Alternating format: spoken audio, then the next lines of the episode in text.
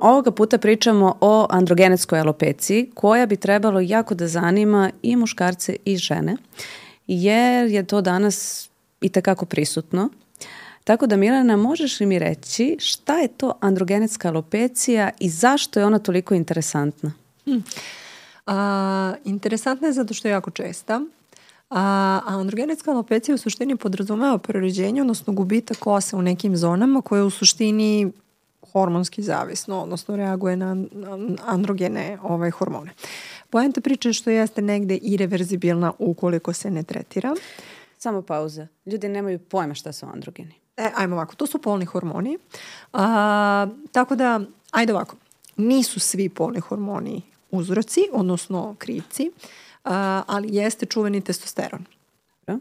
U suštini nije čak ni testosteron, nego njegov aktivni oblik dihidroestosteron, čak ni ne on toliko, nego u stvari taj enzim koji je ključan u njegovoj konverziji, odnosno u njegovom stvaranju, ove, a to je taj enzim koji se zove 5-alfa reduktaza. Jednom reču muški polni hormoni za široke narodne mase. Tako je. Da. I žene ga imaju, Dobro. čisto da se, da se ono, muškarci ga imaju, ali i žene uh, u, u svojoj cirkulaciji imaju ovaj, uh, testosteron i sve oblike testosterona.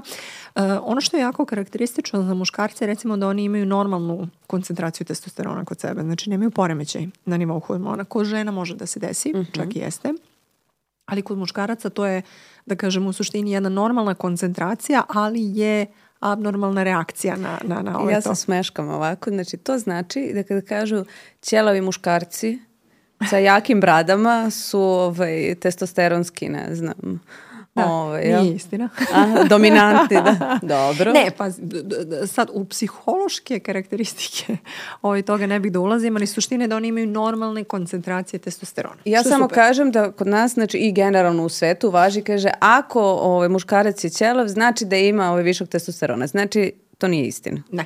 Ko, onome što mi znamo, što je dokazano, nije istina. Jel? E sad, da, to je isto bitno da ljudima kažemo da zaista, kad kažemo hormon zavisni, folikuli i tako dalje, da, da na te muške polne hormone, ove, folikuli dlaka na glavi, znači ti muški polni hormoni imaju obrnuto dejstvo, a za bradu i brkove imaju opet suprotno stimulativno, stimulativno dejstvo. Da. da. Ove, pa ne, mislim, u suštini ta normalna koncentracija tih hormona i tog enzima ovaj konkretno ima receptore na samoj dlaci i utiče na nje metabolizam. Da.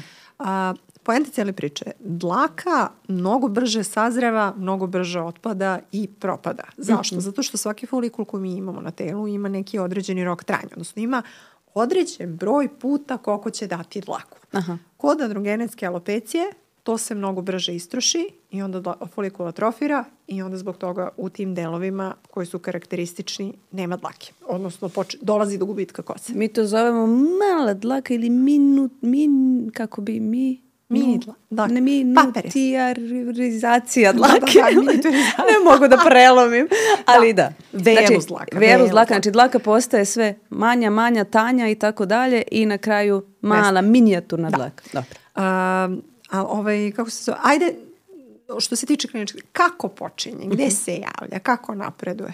Ajde prvo, recimo da pričamo, pošto je različito za muškarci i za žene, da. to se ajde prvo da negde pokrijemo muškarce. Pa ovo je čak negde možda i slično i kod muškaraca i kod žene, znači to su zalisci.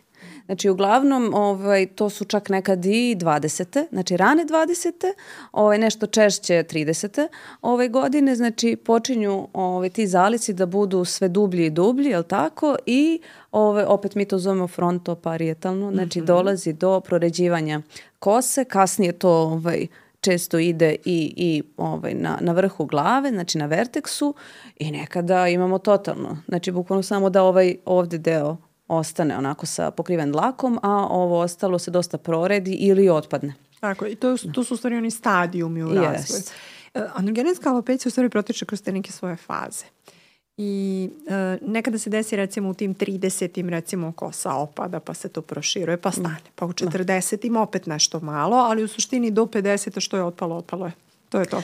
Pa tako je i ono što je bitno ovaj, da znamo da, da postoji ta ovaj, genetska predispozicija to je sve u redu. Ovaj, uglavnom ljudima je jasno da je to neke. Kaže, pa svu, svi u mojoj porodici imaju taj problem sa kosom, pogotovo, ne znam, sa muške strane, mada kažu da vrlo često to ide sa majčine strane, kod mm. muškareca. A, znači, gledamo dedu kako je kosu ovaj, imao.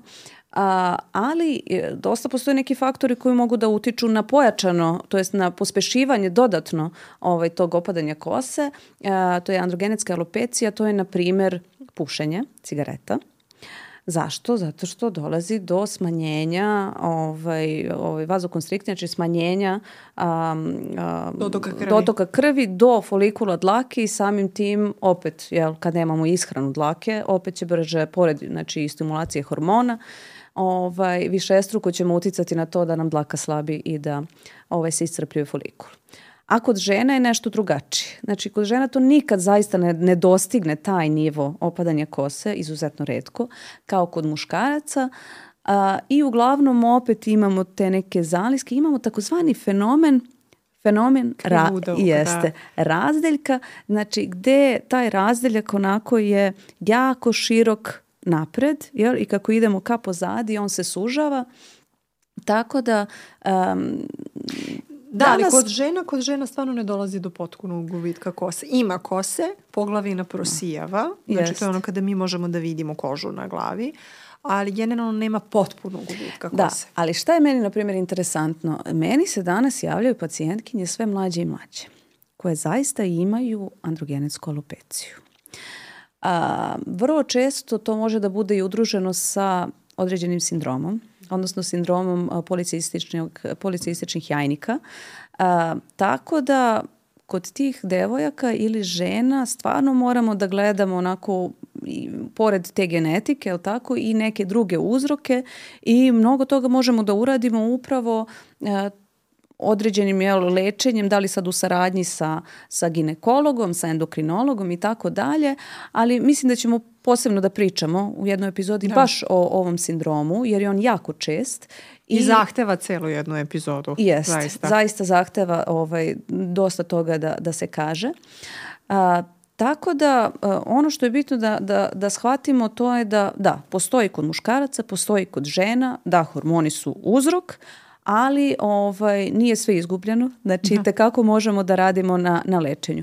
Kako mi uglavnom lečimo? Kad nam dođe pacijent, šta, mi, ovaj, šta, šta su prvi koraci? Kako mi sad pregledamo i šta, šta je to što pacijent može da očekuje kad dođe kod dermatologa?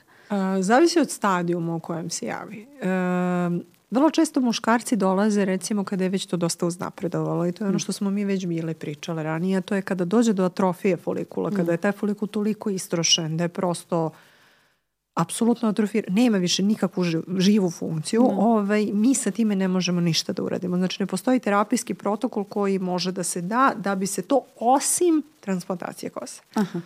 To je jedino što može da se uradi u tom tu delu, ali opet i tu dosta zavisi od brojnih drugih faktora. Sad sam htjela da te pitam, ok, ajde na primer, nećemo sad detaljno pričamo o transplantaciji kose, ali uh, i ne radimo je mi, jel? Da. radi neko drugi, ali um, ako se transplantira kosa, najčešće pitanja da li će meni sad sva ta kosa da otpadne u jednom trenutku, jer uzrok nije otklonjen. Ne.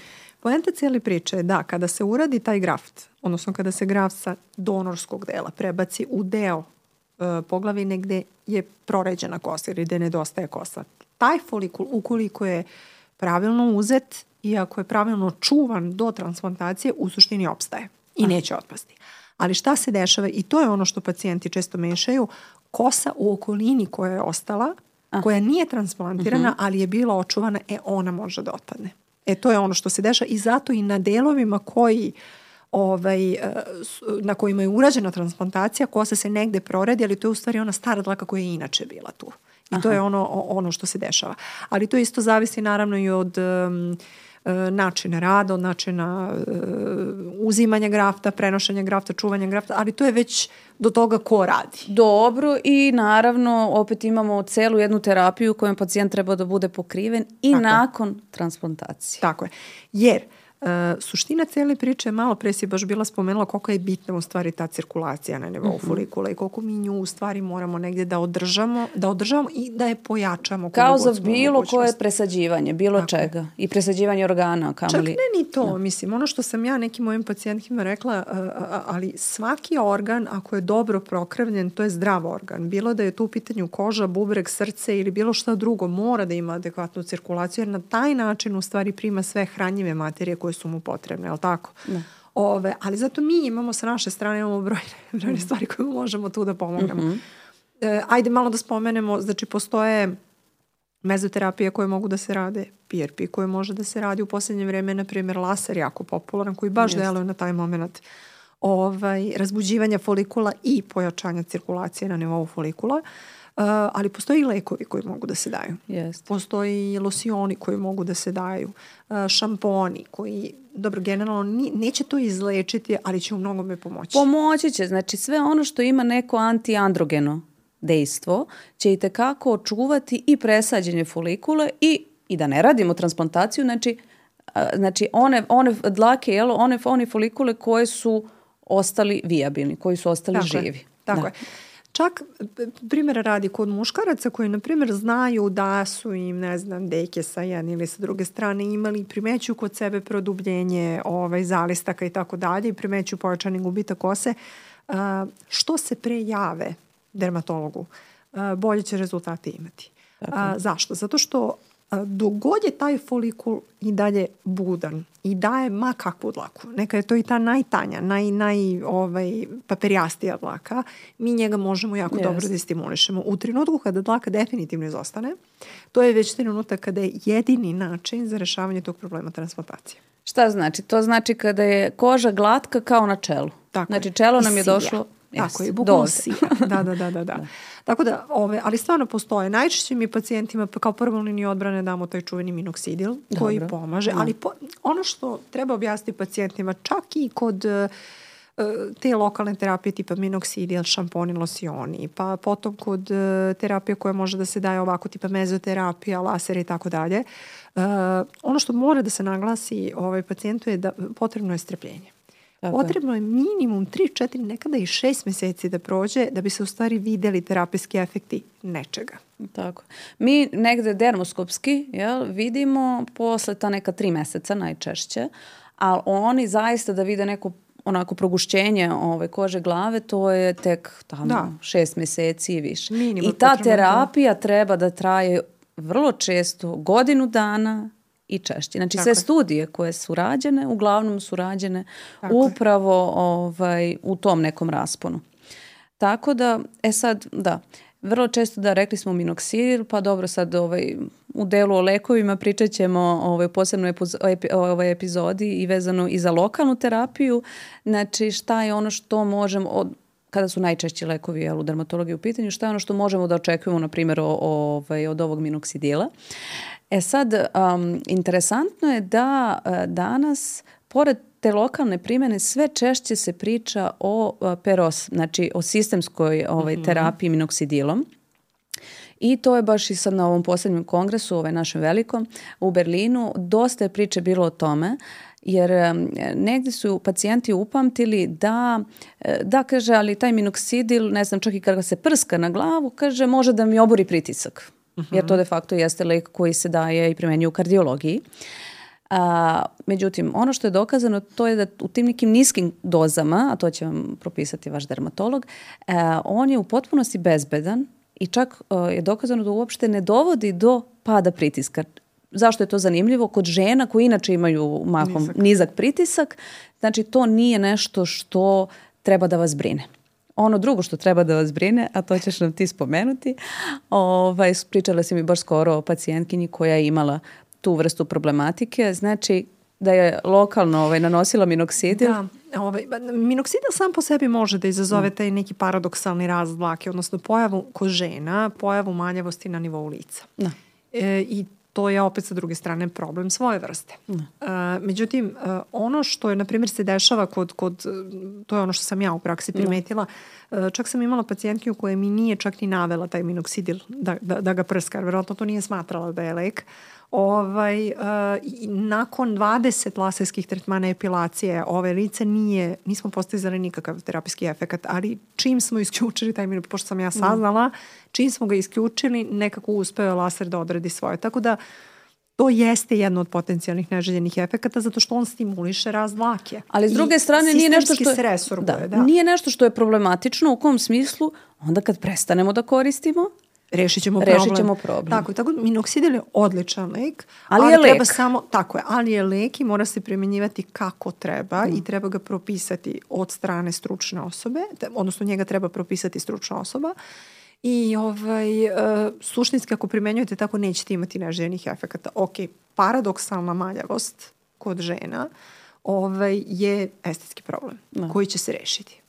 Ovaj, samo treba pacijentu objasniti da je to potencijalno moguće. Ali i to je rešivo. Tako da eto. Jednom rečju, o, androgenetska alopecija je nešto što često srećemo i kod muškaraca i kod žena. Nije sve izgubljeno. Znači, oni tekako mogu da rade na tome, samo je potrebno raditi na vreme. Kod žena treba da se pronađe uzrok, da li je samo genetika u pitanju. Mora ili, se tragati za Jeste. time definitivno. Jeste. Jer je najčešće postoji taj problem Udruženost. u hormonima, čak Jeste. imaju Uh, ukoliko, na primjer, to sam baš, ovaj, nisam imala takav uh Mhm. slučaj, ali sam, na primjer, naišla na podatak da generalno ukoliko postoji taj totalni gubitak kose na temenu kod žena, uh, u, ovaj, zajedno sa drugim znacima viralizacije potrebno je baš detaljno ispitivanje ovaj, kod tih pacijenja, zato što tu već postoji jako ozbiljan problem. Na, sa hormonima. Sa hormonima. Da. Dobro, znači to je razlog zašto ćemo mi zaista često naše pacijentkinje, češće nego pacijente, ovaj, poslati i endokrinologu a, i znači samo je poenta da ne lečite ništa na svoju ruku. Minoksidil, iako je lek, nažalost, vrlo često u apoteci možete kupiti i bez recepta. Znači, nijedan lek se ne koristi na svoju ruku, to je ono što treba da negde zaključimo iz, iz ove ep- epizode, a, ma koliko on bio proveren. I poenta je samo da se javite i da vidimo kako je najbolje rešiti vašu vrstu problema, znači da li ćemo to biti mi ili još neko drugi od specijalista, ali sve je rešivo ako se ovaj, sve na vreme jel, postavi kako treba. Tako. Što pre javite se svom. Sa prvim znacima javite se svom dermatologu, jer stvarno pomaže.